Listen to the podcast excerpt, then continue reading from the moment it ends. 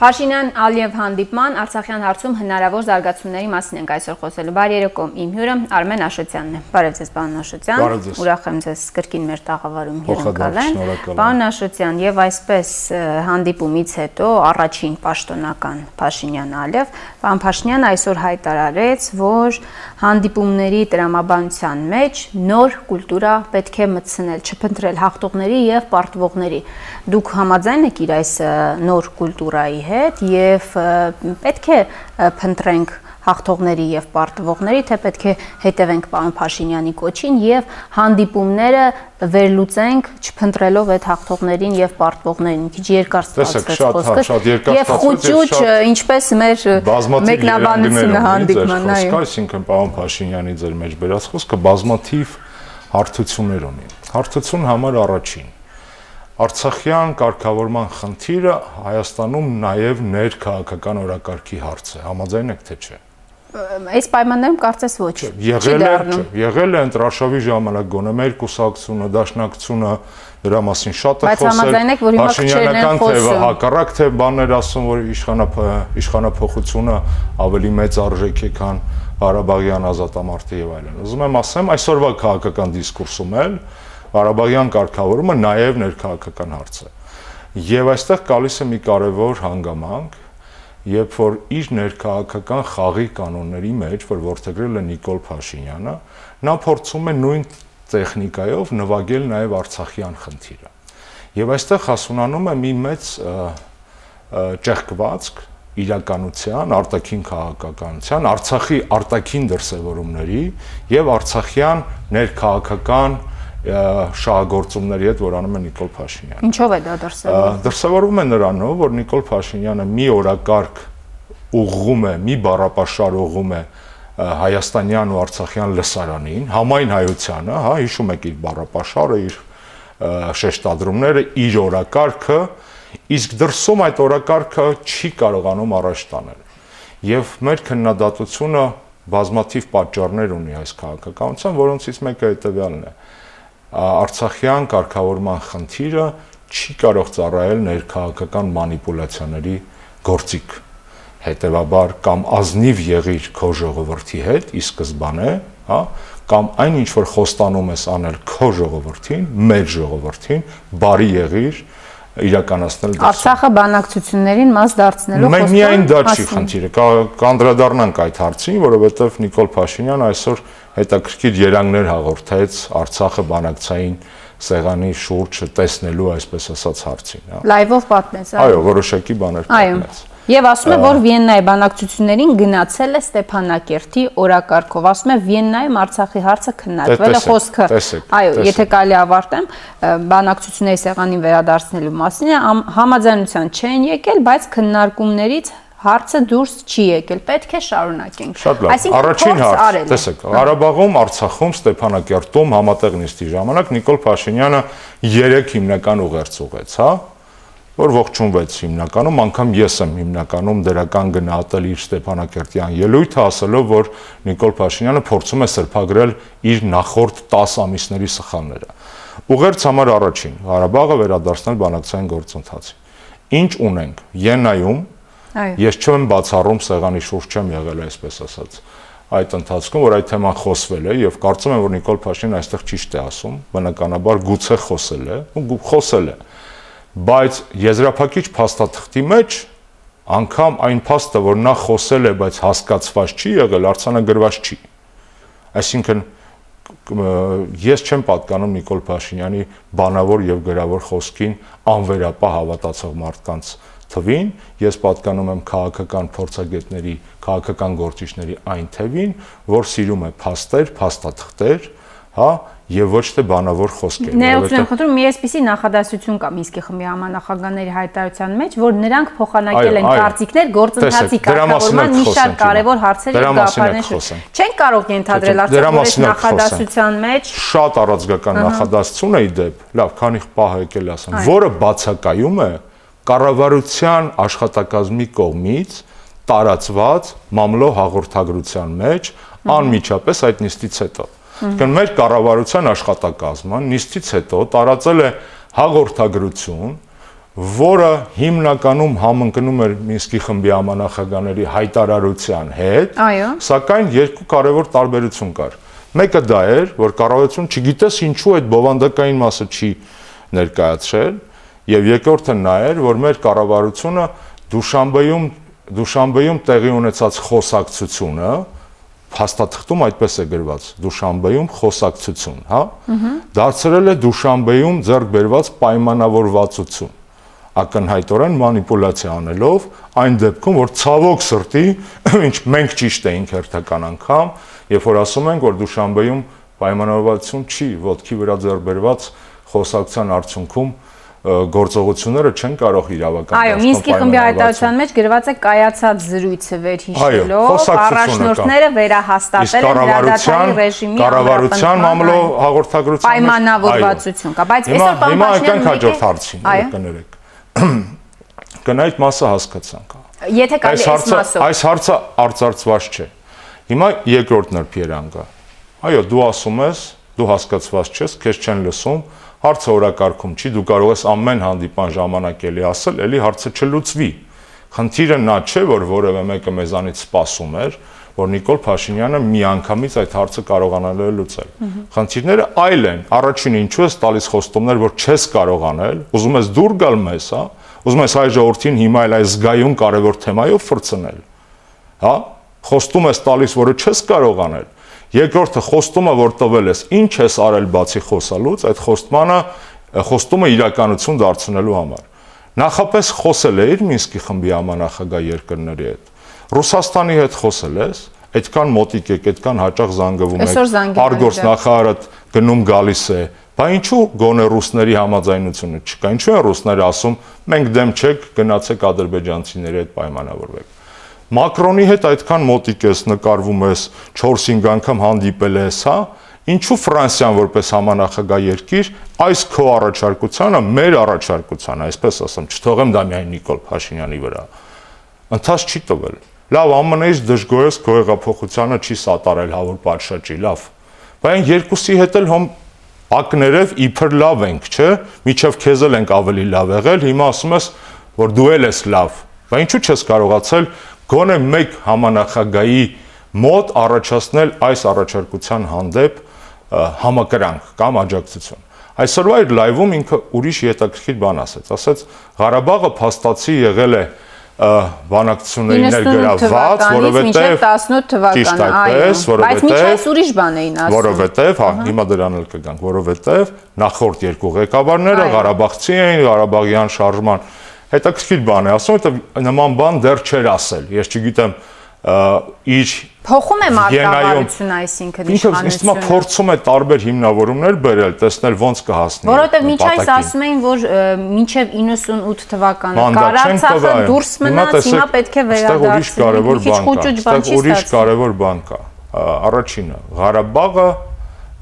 եղել է բանակցությունների մեջ մասնակից կողմ այնքանով, որքանով ՀՀԿ Մինսկի խմբի համանախագահները եւ հատուկ ներկայացուցիչը մշտապես այցելել են Ստեփանակերտ։ Բացի այս վերջին անգամից, եթե հիշում եք, որը չգիտեմ ոնց սվաղեցին տեխնիկական խնդիրներ եւ այլն։ Երկրորդը դեռևս Կազանյան հանդիպումից սկսած ու դրան հաջորդած բոլոր հանդիպումների մեջ կար պայմանավորվածություն, սա կրկին պաշտոնապես ասում եմ, Սերժ Սարգսյանի օրոք ձեռբերված, որ խաղաղության համապարփակ համաձայնագրի մշակման եւ ստորագրման process-ին մասնակցելու են Լեռնային Ղարաբաղի Հանրապետության փաստացի ընտրված իշխանությունները։ Վերջում, պարոն Աշոտյան, դա վերջում փուլի մասին։ Խաղաղության համ պայմանագրի մշակման, այսինքն նախնական տարբերակ այսպեսին էր ընդունվում է հայտարարություն Ադրբեջանի, Հայաստանի եւ Երանախագահների կողմից կարգավորման սկզբունքների եւ մոտեցումների միասին մասին Այդ հայտարարության հիման վրա պետք է մշակվի եզրափակիչ փաստաթուղթը։ Հիշում եք ամերիկյան նախկին համանախագահը փակագծերը մի քիչ բացել էր, ասել էր մի քանի փաստաթուղթ պետք է պատրաստվեր։ Հիշում եք։ Այսպիսի արտահայտություն է արել։ Խոսքը գնում էր հենց եզրափակիչ խաղաղության համապարփակ համաձայնագրի մասին կն Արցախի մասով ունենք այն ինչ որ ունենք այսօր, հա։ Պարոն Աշոտյան, եկեք մի բան հասկանանք։ Սա ուժեղ փաստարկ է, երբ պարոն Փաշինյանը ներսում կարող է անցնել։ Սա ուժեղ փաստարկ է համանախագահող երկրների արչև, Ադրբեջանի արչև, միջազգային հանրության արչև։ Այ ես Ղարաբաղցի չեմ, ես իջևանցի եմ, դրա համար Ղարաբաղի փոխարեն չեմ կարա բանակցել։ Ես կարծում եմ, որ մենք դիվանագիտական տեսանկյունից բանաշուտ։ Ես կարծում եմ, որ մենք գեր կենտրոնացած ենք այս հարցի վրա մի քանի պատճառներով, որովհետև գերկենտրոնացումը ա հարցը կարևոր է, բ. Նիկոլ Փաշինյանը այս հարցը շահագործում է էքսպլուատացիանում ներքաղաքական օրակարգում, իրեն դրսևորելով որպես ել ավելի այս Ղարաբաղցի քան Ղարաբաղցի նախագաներն էին, հա, փորձելով այդպես անել։ Երրորդը, քանի որ իր մոտ չի ստացվում ընդդիմախոսներն ու քննադատները նույնպես հիշեցնում են, որ ասել ես չես արել, խափում ես, հա։ Մենք շատ ենք գերկենտրոնացել այս հարցի վրա, անկեղծ ասենք պետք է հասկանանք հետեւյալը բանակցային գործընթացից կա գործընթացի վերաբերյալ կա երկու հիմնական շարժառիթ, որ մենք մեջն ենք։ Բանակցությունները պատերազմից լավ են, հա, այսինքն ցանկացած բանակցություն որպես process ավելի լավ է, քան բանակցությունների դադարում։ Դադարման դեպքում, խզման դեպքում մեղքը չպետք է բարթվի Հայաստանի կամ Ղարաբաղի իշխանությունների վրա, որպեսի չլեգիտիմացվի ադրբեջանական ցանկությունը խնդիրը լուծել ռազմական ճանապարհով։ Իսկ նման վտանգ կա։ Նման վտանգ կա, երբ որ օրինակ վարչապետի մամլոխոսնակը հարցից բեխաբար վերջերս ասում է հայտարարության մեջ, երբ որ լրագրողը իրեն հարցնում է, ասում է Միսկի խմբի ամանախագաների հայտարարությունը ոնց որ կոշտ էր։ Ինչ կասեք։ Դե Միսկի խմբի խումբը միջազգային ինստիտուտներից ընդամենը մեկն է այդ անznավորությունը երևի լավ չի հիշում պատկերացնում, որ Միսկի խումբը միակն է, որ զբաղվում է Արցախյան հակամարտությամբ ունենալով միջազգային մանդատ, եւ երկրորդը, որ Հայաստանի ողջ ջանքերը այս տարիների ընթացքում նաև ուղղված են եղել չեզոքացնելու համար Ադրբեջանի ցանկությունը հանել հարցը Միսկի խմբի օրակարգից։ Երբ որ սույն պարոնը ասում է, որ Մինսկի խումբը պետք է հաշվի նստի Հայաստանի միջազգային հեղինակության հետ։ Ես չգիտեմ, լամ թե խնդամ, որովհետև եթե դե Մինսկի խումբը Ամերիկան է, գերտերություն, Ռուսաստանն է գերտերություն, Ֆրանսիան է Եվրամիություն է ներկայացնում ուժի գերկենտրոն, գերխաղացող, ու Չինաստանը չկա մենակ ուժեղներից աշխարհի։ Այդ որ միջազգային հանրությունը մեզ գնահատում է, որ Մինսկի խումբը պետք է իրենց հետ հաշվի նստի, ով օկեանիայի, հա, ինչի, ում հետ պետք է նստեն հաշվի։ Այսինքն ինչ է նշանակում Մինսկի խումբը պետք է հաշվի նստի միջազգային հանրության։ Ով է այդ միջազգային հանրությունը, եթե կൂട്ടակած ձևով Մինսկի խմբի մեջ չէ։ Մյուս կարևոր դրվագը, որ Փաշինյանը խոսեց Ստեփանակերտում այսօր էլ լայվում 3+6, եկեք այսպես ասենք, որովհետեւ մադրիդյան սկզբունքները մի քիչ այլ էին, 3+6 ավելի բացված տարբերակն Ասում է, որ բարձրաներությունը ասել է, այո, բաց ենք, չէ՞, է մեկնաբանության հարցը, հնչել են parzabanumներ, բայց հարցերի պատասխանները ամբողջությամբ ինքը չի ստացել։ Այսինքն այս հայտարարության մեջ ընդհանրապես կա դրա մասին, ելի են ձեր նախադասությունն, հա, որը մի նախադասության մեջ ամբողջը սվաղված է, եւ սա հանգուցա հանգուցա հանգուցային հարցերից մեկն է, անկյունակար է սա։ Ինչ սկզբունքների շուրջ են տեղի ունենալու բանակցությունները։ Եվ Նիկոլ Փաշինյանը կարծում եմ այս հարցերի պատասխանը պարտավոր է ստանալ։ Նա ճիշտ հարց է տալիս, ասում եմ մեկնաբանենք Okay, մեկնաբանենք գանք միասնական մեկնաբանության։ Դե մեկնաբանել են, բայց ամբողջական պատկերը չեն ստացել։ օրոք բանակցային գործընթացի ողջ տրամաբանությունը նվիրված էր հենց այս 3+6 փաթեթի մեկ միատեսակ մեկնաբանություն ստանալու ջանքերին։ Սա էր ամբողջ բանակցը, այսինքն Նիկոլ Փաշինյանը փաստացի վերադառնում է նորից նույն հանգրվան, որում որից ստանձնել է այս գործը 10 ամիս առաջ։ Եվ երրորդ կարևոր հանգամանքը. Ստեփանակերտում մամլո աղորդագրության մեջ ոչ իր խոսքում նշված էր, որ հայկական կողմը հետամուտ է լինելու Վիեննայի, Սանկտ Պետերբուրգի եւ Ժնևայի։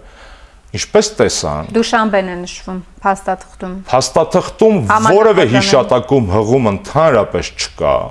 Նորից մնացել է միայն Դուշանբեն, որը Դրանք գրվեցին քարի վրա, վերջ այլևս։ Ես Պաստորեն թե Չեմ ուզում այդպեսի բան հիմա ասեմ, որովհետև եթե դա ասեմ, կան դա պետք է նշանակի Նիկոլ Փաշինյանի վրա կախել հերթական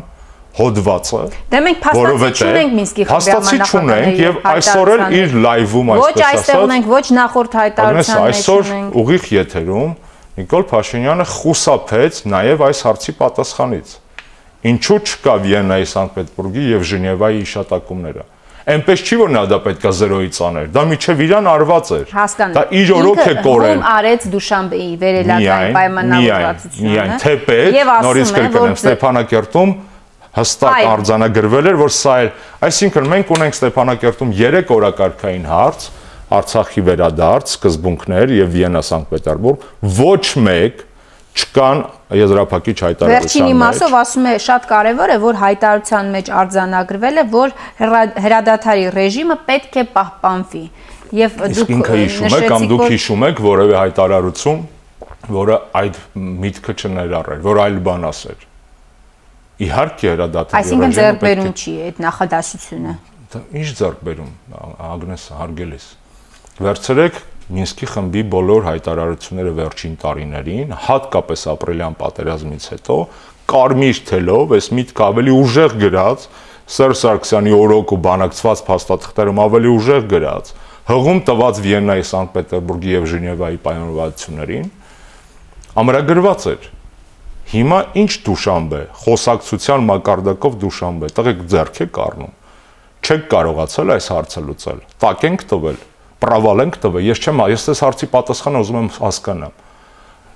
Նա մոռացել էր, իր արգորսնախարը մոռացել էր այս ամենի մասին։ Հիշեցրեցինք, հիշեցին, խոստացան մցնել։ Ինչու մտած չի։ Վերջ, ապրիլյան պատերազմի հոգիներին լույսի չնի մեր զինվորների, գերեզմաններին վաղը որ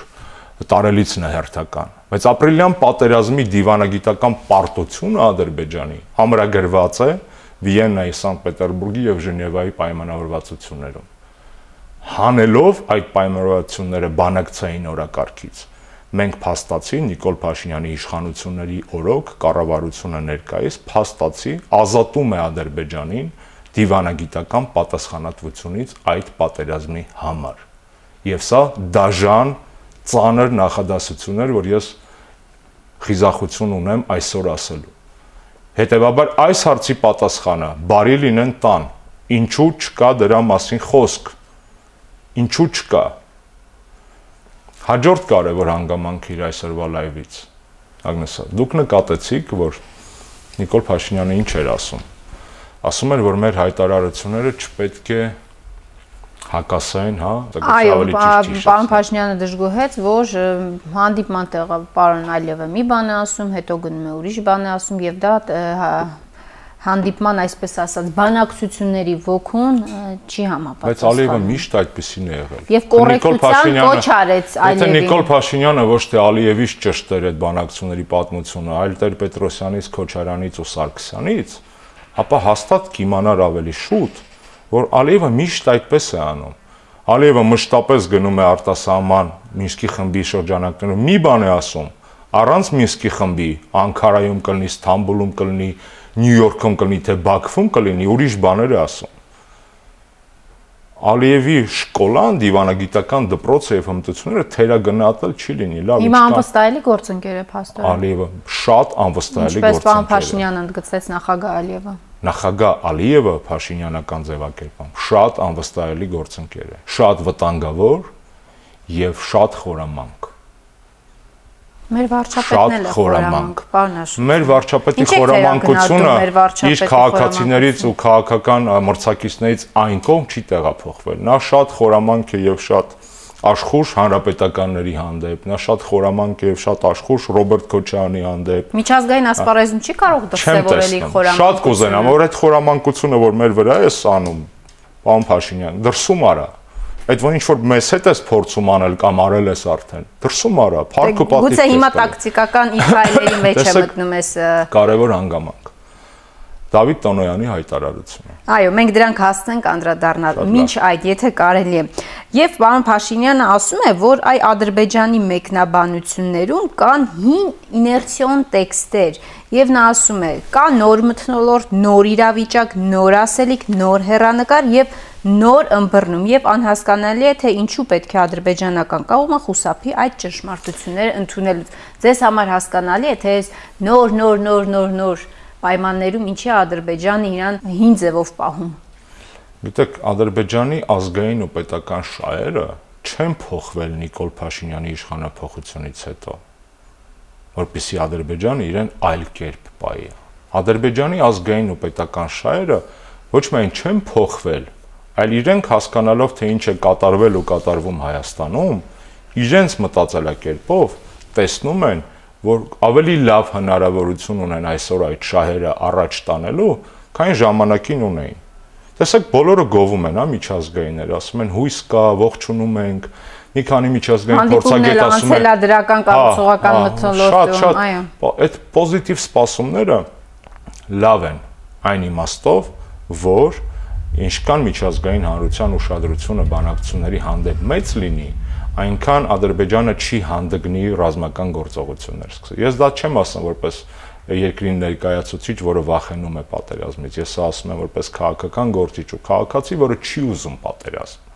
Հա, եւ սա շատ կարեւոր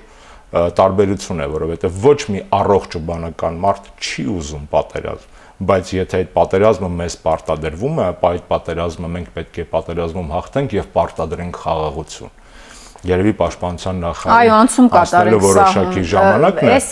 բայց նորից կրկնեմ ավարտեմ պարզապես ադրբեջանի շահերը չեն փոխվել Ալիևը չի պատրաստում Նիկոլ Փաշինյանի այսպես ասած նոր մոդեռն քաղաքական իմիջի խաթր փոխի իր քաղաքականությունը դրսում ակնհայտ է հակառակը նա կարծում է որ ի տարբերություն նախորդ ղեկավարների այսօր Իդամես Փաշինյանի ունի ավելի ամփորձ մարդու, որպես գործընկեր բանակցային, որին կարող է փորձել, այսպես ասած, ավելի ավելի մեծ ճնշումներ փորձել գործադրել։ Եւ այստեղ խորամանկ ախր մեր վրա է մենակ։ Ախր մենակ մեր վրա է այդ խորամանկությունը։ Եթե ամբողջ խորամանկությունը կներեք բարիս համար ներքաղաքական շուստրեությունը, լավ կլիներ դառնար արտաքաղաքական։ Եվ ես միջև հանդիպում եմ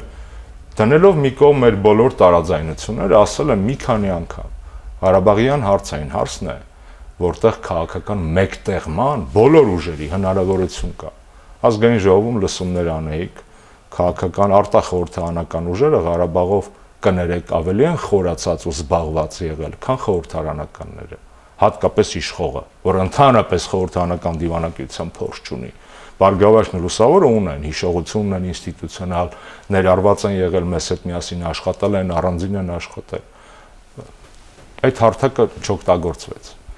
քաղաքական մեկտեղման հար եւ երբ որ մենք քննադատում ենք Նիկոլ Փաշինյանին ինքը որ ավելի խելոք լինի քան ինքը ենթադրում է որ կա ապա պետք է այս քննադատությունները հավաքի բյուրեղացնի ու դրսում հարկեղած դեպքում ասի ժողովուրդ թեպետ ես սուպեր լեգիտիմ եմ ես մեծ վարկանիշ ունեմ բայց այս հարցով ես չեմ կարող գնամ կարմիր գծերի ցենկում որովհետև քո ներքաղաքական ընդդիմությունը շատ կարևոր դերակատարություն ունի ցանկացած միջազգային դիվանագիտական գործընթացում անցանկալի սցենարների դեմը առնելու համար։ Ինչ էր նշանակում պարոն Տոնոյանի նոր պատերազմ, նոր տարածքներ հայտարարությունը եւ այն էլ ԱՄՆ-ում։ Գիտեք, առաջին անգամ չէ։ Եվ այն էլ այս հանդիպման ֆոնին։ Այ եկեք հերթով ելուցենք։ Նման հայտարարություններ առաջին անգամ չի որ հնչում է եւ պարոն Տոնոյանի այս խոսքը կոնտեքստից չհանենք, հա, նա ասում է եթե մեր վրա հարցակվեն, ապա կստանան այսինչ, այսինչ, այսինչ։ Իհարկե ինքը ուրիշ բան էլ ասաց, որը իրականության հետ կապ չունի։ Երբեք որևէ իշխանություն գոնե երկրորդ ու երրորդ նախագահ առաջինի մասը դնում եմ մի կողմ, որովհետև շատ տեղեկացված չեմ եղել այդ բանակցային process-ներից, բայց գիտեմ իր քաղաքական տեսակետը։ Չեմ բանակցել տարածքներ խաղաղության դիմաց սկզբունքի տակ։ Այսինքն նման սկզբունք ոչ Քոչարյանի, ոչ Սերժ Սարգսյանի օրակարգում չի եղել երբեք։ Կարգավիճակի դիմաց։ Միանշանակ։ Այսինքն այդ այդ այդ արեստական հավելում էր որ պաշտպանության նախարարն ասաց։ Այն ինչ որ ինքը ասաց։ Դե այս թեզ ավելի շատ չի վերագրում առաջին նախագահային։ Ավելի ուժեղ հնչել է 2 տարի առաջ գրեթե ուղիղ 2 տարի առաջ Սերժ Սարգսյանի շուրթերից Ստեփանակերտում, երբ որ նախագահն ասաց, որ Եթե մեզ վրա կամ Արցախի վրա հարցակում լինի, նա չի վարանելու, հրաման տալու, սեղմելու Իսկանդերի կոճակը։ Շատ ավելի ուժեղ, շատ ավելի բարձր մակարդակով այս հայտարարությունը հնչել է, եթե մեզ վրա լինի հարցակում։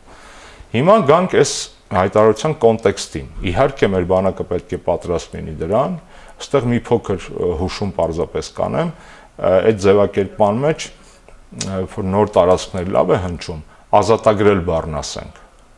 հա, որովհետև ադրբեջանական կողմը բռնում է այդ բառակապակցություններից, եւ որոնք հայերենով գուցե շատ լավ են հնչում, բայց երբ որ դառնում են անգլալեզու կամ ռուսալեզու, նյութ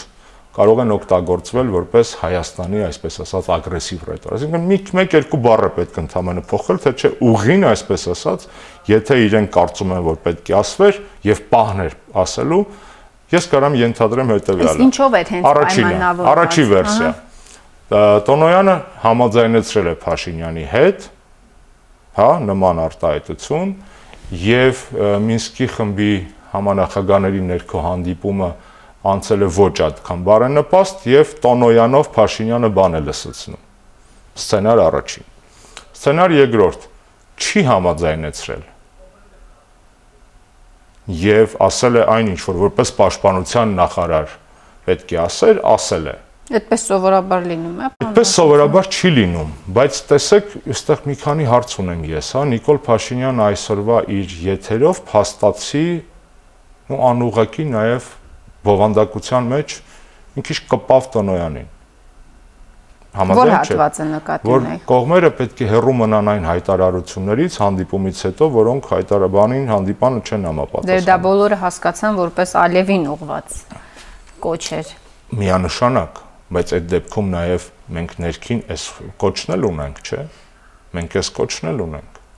Ես կարծում եմ այստեղ խնդիր կա, որովհետև երեք դիտում էի նաև Դավիթ Տոնայանի հարցազրույց Ազատություն ռադիո, Ամերիկայի ձայնին, որտեղ պարմեր պաշտպանության նախարարն ասաց, որ առնվազն բանակի հետ այդպես խոսել չեն կարող։ Չեք ֆիքսել այդ բանը։ Դուք Չգիտեմ, ես շատ կարևոր է։ Իշխանական։ Չէ, բացարձակ կոնսպիրալ, ես ես շատ եմ կարևորում, հա, ես շատ կարևորում եմ, որպիսի վարչապետի գլխավորությամբ մեր անվտանգության համար պատասխանատու գերատեսչությունները ՊՆ-ն եւ ԱԳՆ-ն պլյուս ԱԱՑ-ն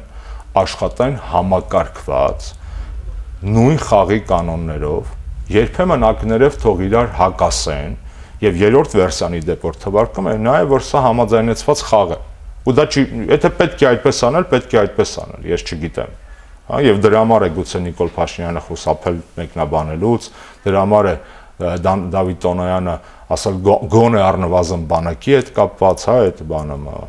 Այսինքն այս եթե այդպես է պետք, թող այդպես լինի։ Իրենց ձեռն եղեք, իրենք են այսօր տեսնում օպերատիվ տեղեկություններ ներսին եւ այլն։ Ես այդտեղ չեմ քննադատում բայց ուզում եմ, որ կառավարությունը, եթե ես ասում եմ քաղաքական դաշտը կարող է մեկտեղվել այս հարցում, անգամ քննադատելով, որտեղ այդ քննադատությունը կարող օգտագործվի հանուն Հայաստանի եւ պետք է օգտագործվի։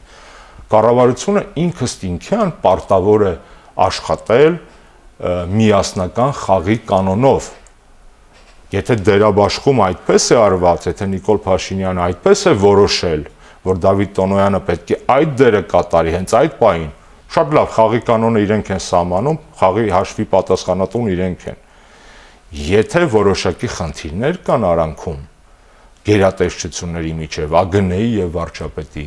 պաշտպանության նախարարության եւ վարչապետի, վարչապետի եւ ուժայինների, վարչապետի եւ ուժայինների, հա, մենակ Դավիթ Տոնոյանը չի, նմանատիպ պինդ խրով դե, հայտարարություն արել նաեւ Վանեցյանը, այո, Արցախում։ Հենց Արցախում չմոռանալ։ Հետո իհարկե ստիպված է բարձաբան տարածեն։ Ես կարող եմ մտածել ուրիշ բան, որ քանի որ Նիկոլ Փաշինյանը մտածում է, որ մեզ արդեն ուղարկավորել է եւ ընդհանրապես չի ուզում էս հիշատակի կամ չի ուզում համաձայնի եւ ընդունի, որ հանրապետական ոչ միայն չեն վերացել, այլ շահունակում են քաղաքական օրակարգում լրջագույն ներդրում ունենալ գուցե ուժայիններով է փորձում այլ ընտրանքային կարծիքներ ստեղծել, որ դրսում ցույց տա, որ թեպետ ինքը սուպեր լեգիտիմ է, բայց իր կառավարության ներսում տեսեք ուժայինները այլ բան են ասում։ Այսինքն գուցե այս ուժայինները համաձայնեցված այդ դերակատարությունն են ստանձնել, ինչը կրկին նորմալ է։ Դուք արդեն ռազմական հեղաշրջման սցենարին հասավ պարոնաշնչը։ Չէ, չէ, չէ, խոսքը համաձայնեցված խաղի մասին է, այսինքն եթե նա չի ուզում դրսում ասի, որ ես չեմ կարող այս հարցերին գնալ առանց պատասխանների, որովհետև հանրապետականներն ու դաշնակները այնտեղ 100 հազարանոց միտինգ կանեն այս հարցով բայց ես չեմ կարող գնալ, որովհետև իմ ՊՆ-ն, ԱԱՑ-ն ու ուժայինները դեմ են, տեսեք, երկու տարբեր խաղերի բաներ կա այստեղ, սցենարներ կարող լինել։ Հասկանալի է եւ պարոն Աշոտյան, ԵԱԿ Մինսկի խմբի ամենախագաների հայտարարության մեջ խոսում է նաև նոր, հա մտածեցի, գուցե մենք ավելի լրջացնում ենք այն Փաշինյանը մտածում է այս ամենի մասին։ Ես հենց նոր մտածեցի, կարող է տենց նստած մտածում ենք, խորանում ենք ռազմավարական բաներ ենք մտածում։ Բայց իրական ամեն շատ པարզ է եւ Չգիտեմ, հա, տենց չգիտեմ, կարող է պետք չի էս ամեն ինչ։ Կարող է այդպես չի ընդհանրապես, կարող է տենց օրվա, չգիտեմ հայտարարության մեջ կրկին խոսվում է նաև ժողովուրդներին խաղաղության նախապատրաստելու մասին եւ Եվրամիությունը ակնկալում է, որ այ հունվարի 16-ին Փարիզում արտաքին գործերի նախարարների կողմից այո երբ խոսք գնաց բնակչությանը խաղաղության նախապատրաստելու մասին, հիշատակվում է Փաստորեն Փարիզի արտաքին գործերի նախարարների հետ հանդիպումը։ Երկու կարևոր բան անկախ նայից ես քաղաքական տեսակետից համակրում եմ այս իշխանություններին թե չէ անկախ քաղաքականություն եւ առաջինը հայերիս պետք չէ նախապատրաստել խաղաղության բացարձակ այսինքն խաղաղություն նախապատրաստելիս մենք ինչ ենք հասկանում Եթե հասկանում ենք ատելության քարոզի դաթար, այլատիացության քարոզի դաթար, ապա Հայաստանում ու Ղարաբաղում այդ քարոզություն չկա ու չի եղել երբեք հակադրբեջանական քարոզչություն։ Մենք մեր երեխեքին պատմության դասագրքերով ադրբեջանցիների հանդեպ ատելություն չենք սերմանե։ Մաթեմատիկայի խնդիրները սպանված ադրբեջանցիների քանակը հաշվելով չենք դրել, մեր երեխեքը չեն մեծացել հակադրբեջանական ատելության մտնոլորտում չշփոթեք ռազմայնասիրական դաստիարակության հետ, հա։ Այդ տարբեր բաներ են։ Դե մենք այդ կարիքը չունենք, գնացեք ադրբեջանցիներին նախապատրաստեք հանեք Ալիևի սրսկած 20 տարվա սրսկած թույնը մեջներից։ Եվ երկրորդը, եթե խաղաղություն նախապատրաստելի նկատի ունենք, որ բարիշելու ենք, գանք հանգուցալուծման ու կողք կողքի ապրենք, օքեյ, այդպես հարց ունեմ։ Ինչ պայմանների շուրջ խաղաղությունը ինչպիսին է լինելու դու չես կարող նախապատրաստել մարդկանց խաղաղության եթե չես ասում որ այս խաղաղություն լինելու է այս պայմաններում ինքնանպատակ խաղաղություն չի լինելու երբ կարող ենք հասնել առաջի շերտը տեսեք առաջի շերտ այլատիացություն եւ հակակարոշչություն Հայաստանում Ղարաբաղում չկա գնացեք Ադրբեջանում աշխատեք երկրորդ շերտը հա խաղաղության պայմանների միջավայրիստը կներեք, ինչ պայմանների շուրջ եմ ես իմ երեխեքին, դուք ձեր զավակին պատրաստելու խաղաղություն։ Երբ պայմանները կարծեք։ Հնարավոր չի պատրաստել։ ես կառաջարկեմ հայկական կողմը։ Ես կառաջարկեմ հայկական կողմը այլ բառապաշարը տման հայտարարությունների մեջ առաջ տանի։ Այլատիացության քարոզ, այն ինչ որ առաջ եղել է, ռազմատենչ ռետորաբանություն, ատելության խոսք, այսպիսի բաներ գրեք, որ մեզ չվերաբերվեն, վերաբերվեն միայն ադրբեջանցիներին, որովհետև եթե դուք սվաղում եք այդ ամենը, բերում եք մի վերացական խաղաղություն նախապատրաստելու մասին եք խոսում, դուք հավասարեցնում եք այն տարբերությունները, որ ակնհայտ կան Հայաստանում, Ղարաբաղում եւ Ադրբեջանում մյուս կողմից։ Իսկ բուն խաղաղության նախապատրաստելիս առանց պայման, եթե պայմանները չասեք, ոչ մի հայի խաղաղության նախապատրաստել չեք կարող Իդեպ այսօր Ռուբեն Ռուբինյանը ասել է, որ նոր փաստաթուղթ չկա բանակցությունների սեղանին եւ ինձ հետաքրքիր է, երբ է ավարտվելու այդ 3 սկզբունքների եւ 6 էլեմենտների մեկնաբանությունը, երբ է հստակ լինելու, որ այ Արցախը կարող է վերադառնալ բանակցությունների սեղանին, չի կարող վերադառնալ բանակցությունների սեղանին, Այսինքն այս թեթև հանդիպումները դեռ որքան կարող են շարունակվել։ Շատ ազնիվ խոսենք, որ այս հանդիպումները, այս բանակցային գործընթացը կարող է տևել տարիներ, տասնյակ տարիներ, կամ կապ չունի ղեկավարները ով կլինեն, հա։ Կապ չունի, այսինքն process-ը տևելու է, կարող է տևել տարիներ եւ ամեն մի մանրուքի վրա պետք է հասկանալ։ Ինչ ենք մենք պահանջում Նիկոլ Փաշինյանից։ Ասում ենք կամ խոստացիր արժանավատ բաներ, կամ եթե խոստանում ես խոստումներդ կատարիր, եթե չես կարողանում ավելի լավ բանակցային դիրք ընդունել, պոզա ընդունել, ապա բարի եղիր գոնե հինը մի քանդիր, հա? Եթե կարողանում ես ապրես։ Եվ վերջինը անենց արա, որ Հայաստանի եւ Ղարաբաղի պատճառով բանակցությունները չտապալվեն, որովհետեւ դա կնշանակի թույլատրել Ադրբեջանին, հա, լեգիտիմացնել Ադրբեջանի կողմից հնարավոր ռազմական գործողությունների վերսկսումը։ Այս 4-5 կետն ենք ասում։ Որևէ անմարտկային բան չենք ասում, որևէ ինքնանպատակ բան չենք ասում։ Բացարձակ։ Դե դեռ ժամանակ չունի։ Ժամանակ ունի։ Սա առաջին հանդիպումն էր ըստ Սա 4-րդն էր, գիտեք, հիմա առաջինն էր, հիմա կարող են ասել։ Դե ասում են սա պաշտոնական էր, նրանք ոչ պաշտոնական էին։ Ես կարծում եմ, որ ոչ պաշտոնականների մեջ իրենք ավելի լավ են իրար հասկացել, քան պաշտոնականի գուցե։ 3 հատ էր, ավելի հաճախ էին եւ այլն, շատ մարդ չկար։ Այստեղ էլ շատ մարդ չկար, 2 ժամ առանձնազրույց են ունեցել։ Դե ամենայն դեպս ես կուզենամ, որ իմ երկրի վարչապետը երբեք այդքան միամիտ չլինի, որ մտածի, որ կարողացել է իր հեղափոխական հմայքով նախագահ Ալիևին նախագահ Ալիևին հա հեղափոխել, հա։ Ալիևը իր երկրի համար բրթելու է իր երկրի ազգային ու պետական շահը։ Շնորհակալ եմ, պարոն Աշոտյան։ Շնորհակալ եմ։ Այսօր իմ հյուրը Արմեն Աշոտյանն էր, ամուր եղեք, հանդիպենք վաղը։